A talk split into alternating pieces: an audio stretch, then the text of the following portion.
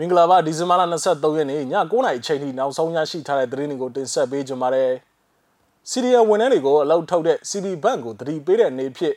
မိုင်းထောင်ခဲ့ကြောင်းကိုပျောက်ကြားတပ်ဖွဲ့ကပြောဆိုလာပါတယ်။ပလဲမြို့နယ်တိုက်ပွဲအတွင်းမှာအကြမ်းဖက်စစ်ကောင်စီတပ်သားများပိတ်မိနေစဉ်မှာစစ်ရဟရင်ဖြစ်တက်ကူလာပြီးတော့ကုညီကယ်ဆယ်မှုတွေလှုပ်ဆောင်သွားခဲ့တယ်လို့သိရပါတယ်။စတဲ့သတင်းအကြောင်းအရာတွေကိုသတင်းထောက်ကျွန်တော်ထွန်းထွန်းဝင်းကတင်ဆက်ပေးကြပါမယ်။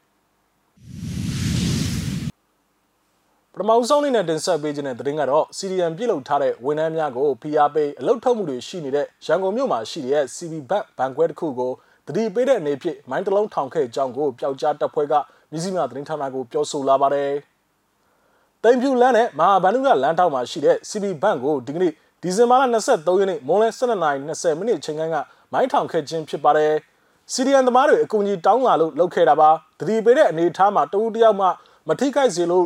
ဖောက်ခွဲခြင်းမပြုတ်ပဲမိုင်းပဲထောင်ခဲ့တာလို့ Burma Final Revolution Army Force အဖွဲ့ကပြောဆိုပါတယ်။အဆိုပါဘန်ဟန်အကြမ်းမဖက်အာဏာဖီဆန်တဲ့ CDM ပြည်လို့လက်ရှိတဲ့ဝန်ထမ်းတွေကိုအလုတ်ခွင်သို့ပြန်လည်ဝင်ရောက်ရန်ဖိအားပေးစာများဝန်ထမ်းများအားခွင့်တိုင်ကြားခြင်းမရှိဘဲခွင့်ရက်ရှည်ပြတ်နေတဲ့အတွက်ပြက်ကွက်ခြင်းဆိုသောအကြောင်းပြချက်ဖြင့်အလုတ်မှထုတ်ပယ်ခြင်းများပြုလုပ်နေတာကြောင့်တတိပေးတဲ့အနေဖြင့်ဖောက်ခွဲမှုမပြုလုပ်ဘဲဘုံထောင်ခဲ့ခြင်းဖြစ်တယ်လို့သိရပါတယ်။မိုင်းထောင်မှုကိုတွေးရှိခဲ့ပြီးတဲ့နောက်မှာတော့အကြမ်းဖက်စစ်ကောင်စီတပ်များက စစ်ဆေးမှုများလှုပ်ဆောင်နေတယ်လို့လည်းဒေသခံတဦးကဆိုပါတယ်အနော်ရထား45လမ်းအနော်ရထားနဲ့တိမ်ဖြူလမ်းစုံအနော်ရထားနဲ့ဘူအောင်ကျော်လမ်း38လမ်းဈေးနာစိတ်ကန်းတာလမ်းနာမှာလက်နက်အပြည့်နဲ့တနေရာကို9ယောက်6ယောက်လောက်ရှိတယ်ဖြတ်သွားတဲ့သူအချို့ကိုအိတ်တွေစစ်ဖုန်းတွေစစ်လှုပ်ဆောင်နေပါတယ်လို့၎င်းကဆိုပါတယ်ဆလဗီတင်ဆက်ပေးခြင်းတဲ့တင်ကတော့စကိုင်းနိုင်ဒေသကြီး ပလဲမြို့နယ်မှာဒီကနေ့ဖြစ်ပွားတဲ့တိုက်ပွဲအတွင်းမှာအကြမ်းဖက်စစ်ကောင်စီတပ်သားများပိတ်မိနေစဉ်မှာပဲစစ်ရရင်တစီရောက်ရှိလာပြီးတော့အကာအကွယ်ပေးအကူအညီကယ်ဆယ်မှုတွေလှုပ်ဆောင်သွားခဲ့တယ်လို့ပလဲမြို့နယ်ပြည်သူ့ကာကွယ်ရေးအဖွဲ့တာဝန်ရှိသူတူကဆိုပါတယ်ပလဲမြို့နယ်မကြီးခွကျွေးရွာကံပေါက်ကျွေးရွာနဲ့ညောင်ကုန်းကျွေးရွာများအနီးမှာဒီကနေ့ဒီဇင်ဘာလ23ရက်နေ့နနက်၈နာရီချိန်ကစစ်တပ်နဲ့ဒေသကာကွယ်ရေးတပ်များကြားတိုက်ပွဲတွေစတင်ဖြစ်ပွားခဲ့ပြီးတော့နနက်7နာရီကျော်အချိန်မှာစစ်ရရှင်ရောက်ရှိလာခဲ့ခြင်းဖြစ်ပါတယ် စစ်ကောင်စီတပ်သားတွေပိတ်မိနေတော့မုံရွာကနေစစ်ရရင်တစီအုံပြုပြီးဘုံလို့ယူဆရတဲ့အရာမျိုးအုံပြုတယ်ပြစ်လဲပြစ်တယ်ကျေးရွာတွေကိုလေးပတ်ပတ်ပြီးပြစ်တာမိနစ်20လောက်ကြာတယ်ရွာထဲနဲ့ဒီဘက်ကလူတွေရှိမဲ့နေရာတွေကိုပြစ်သွားကြတာနနက်7ခွဲလောက်ကပြစ်တာပါလို့ပလဲမြို့နယ်ပြည်သူ့ကာကွယ်ရေးအဖွဲ့တာဝန်ရှိသူတူကဆိုပါတယ်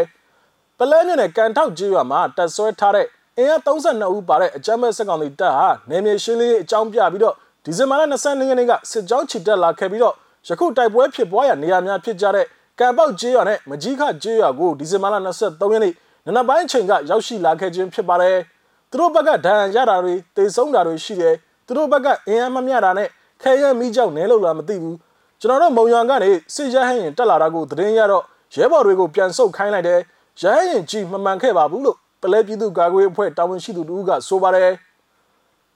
အကြမ်းမဲ့စစ်ကောင်စီတပ်ရဲ့စစ်ရရင်အုံပြုတိုက်ခတ်ခဲ့မှုကြောင့်မကြီးခွကျေးရွာကံပေါက်ကျေးရွာနဲ့ရောင်ကုန်းကျေးရွာများမှာထိခိုက်ပျက်စီးဆုံးရှုံးမှုအခြေအနေကိုတော့လက်ရှိအချိန်မှာစုံစမ်းနေဆဲဖြစ်တယ်လို့သိရပါတယ်။အဆိုပါတိုက်ပွဲကိုမြို့နယ်ပြည်သူ့ကာကွယ်တပ်ဖွဲ့လက်အောက်ခံမြို့နယ်မြေပြန့်ကာကွယ်တပ်ဖွဲ့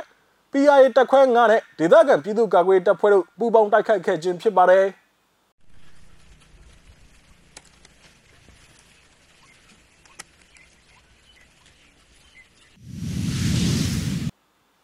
နောက်ထပ်တင်ဆက်ပေးခြင်းတဲ့သတင်းကတော့စကိုင်းတိုင်းဒေသကြီးကလေးမြို့နယ်နတ်ချောင်းကျေးရွာမှာဒီကနေ့ဒီဇင်ဘာလ23ရက်နေ့နနက်7:00နာရီကျော်အချိန်ကစတင်ပြီးတော့ PDF ကလေးပြည်သူ့ကာကွယ်တပ်ဖွဲ့ပကဖအဖွဲ့ CNDF ပူးပေါင်းတပ်ဖွဲ့နဲ့အကြမ်းဖက်စစ်ကောင်စီတပ်တို့တိုက်ပွဲတွေဖြစ်ပွားခဲ့ရမှာအကြမ်းဖက်စစ်ကောင်စီဘက်ကစစ်ရဟရင်အုံပြုကလက်နက်ကြီးများဖြင့်ပစ်ခတ်တိုက်ခတ်မှုတွေလှုပ်ဆောင်ခဲ့တယ်လို့နတ်ချောင်းကျေးရွာဒေသခံတို့ကဆိုပါတယ်အကြမ်းဖက်စစ်ကောင်စီဘက်ကဒီကနေ့နနက်7:00နာရီကျော်အချိန်ကတကြိမ် နေ့လယ်2နာရီခွဲအချိန်ကတစ်ကြိမ်စုစုပေါင်း2ကြိမ်ဖြစ်ရဟရင်များအုံပြုက10ဘက်ကျော်ခန့်ပြစ်ကတ်တိုက်ခတ်ခဲ့ကြောင်းကိုရွာခံများကဆိုပါတယ်အဲ့ဒါအပြင်120မမအမြောက်တက်ဆင်ထားတဲ့စစ်ကား9စီးကလည်းကလေးမြို့ထဲမှာမြို့တောင်ဘက်သို့ထွက်ခွာလာကြောင်းကိုလည်းမြို့ခံများကဆိုပါတယ်ရဟရင်နှစင်ကြည်ဖြစ်ရန်မုံရွာဘက်သို့ပြန်လှည့်သွားကြောင်းနဲ့ညနေ4:40မိနစ်ချိန်ကရဟရင်ပြန်တန်းနေတဲ့အတန်များကိုထပ်မံကြားရနေရတယ်လို့ဒေသခံများကဆိုပါတယ် ပထမလေရင်တစည်းမျိုးရဲပြန်သွားတဲ့အချိန်နန်ချောင်းစာတင်ကျောင်းရှိဆိုင်ကယ်စီးလာတဲ့လူတစ်ယောက်ပြစ်သက်ခံရတယ်ကြားတယ်အသက်55နှစ်အရွယ်လူကြီးတစ်ယောက်လူသိရတယ်အလောင်းကိုတော့ဘယ်သူမှမကောက်ရဲသေးဘူးအကြမ်းမဲ့စစ်ကောင်စီတပ်တွေကအနာကအထကနတ်ချောင်းစာတင်ကျောင်းမှာတက်ဆွဲထားတော့ရွာသားတွေဘယ်သူမှအဲ့ဒီနေရာကိုမသွားရကြဘူးလို့နတ်ချောင်းရွာခံတူကဆိုပါတယ်အထက်ကနတ်ချောင်းတောင်ဘက်မှာရှိတဲ့အောက်စုပန်ဖုံကြီးကျောင်းပေါ်မှာလဲလက်နက်ကြီးကြီးများကြားရောက်ခဲ့ကြောင်းကိုရွာခံများထံမှသိရပါတယ်ဖះဆောင်ကိုထိတယ်ပြောတယ် မနက်ကမြေပြင်မှာတိုက်ကြတဲ့အချိန်ကဖြစ်တာလို့ရွာခံတူကဆိုပါတယ်လက်ရှိအချိန်မှာနတ်ချောင်းရွာသူရွာသားအများစုကတော့ရွာမရှောင်တွင်းခွင့်မရဘဲနဲ့ပိတ်မိနေကြောင်းဒေသခံတွေကပြောဆိုနေပါတယ်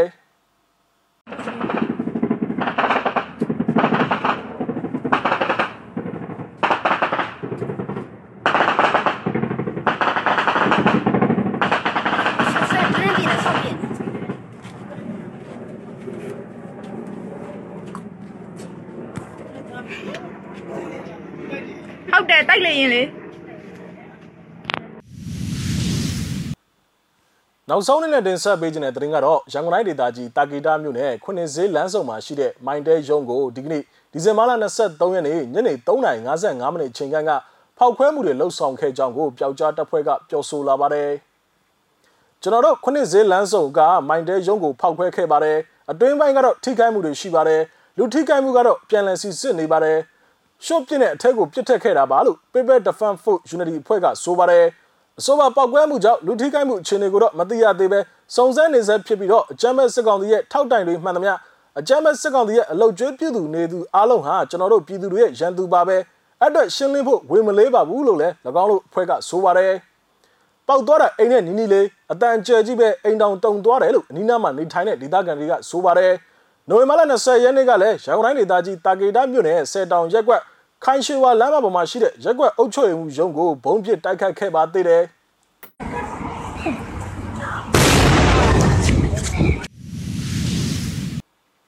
ဟုတ်ကဲ့ပါဒီဇင်ဘာလ23ရက်နေ့ည9:00နာရီချိန်ထိနောက်ဆုံးရရှိထားတဲ့သတင်းတွေကိုကျွန်တော်တို့မျိုးစိမဝိုင်းတော်သားများကနေပြီးတော့တင်ဆက်ပေးခဲ့တာပါမြန်မာပြည်နယ်မှာနေထိုင်တဲ့မိဘပြည်သူတွေအကုန်လုံးဘေးရန်နဲ့ကင်းရှင်းကြပါစေလို့ဆုမကောင်းတောင်းပန်ပါတယ်လက်ရှိဖြစ်ပွားနေတဲ့ COVID-19 ကရောဂါနဲ့ပတ်သက်ပြီးအထူးကြီးစိုက်ကြပါကိုကျွန်တော်တို့မျိုးစိမဝိုင်းတော်သားများက တိုက်တွန်းလို့ဆိုခြင်းပါတယ်နောက်ထပ်ရရှိလာမယ့်သတင်းတွေအတူတူကျွန်တော်တို့ပြန်လာခဲ့ပါမယ်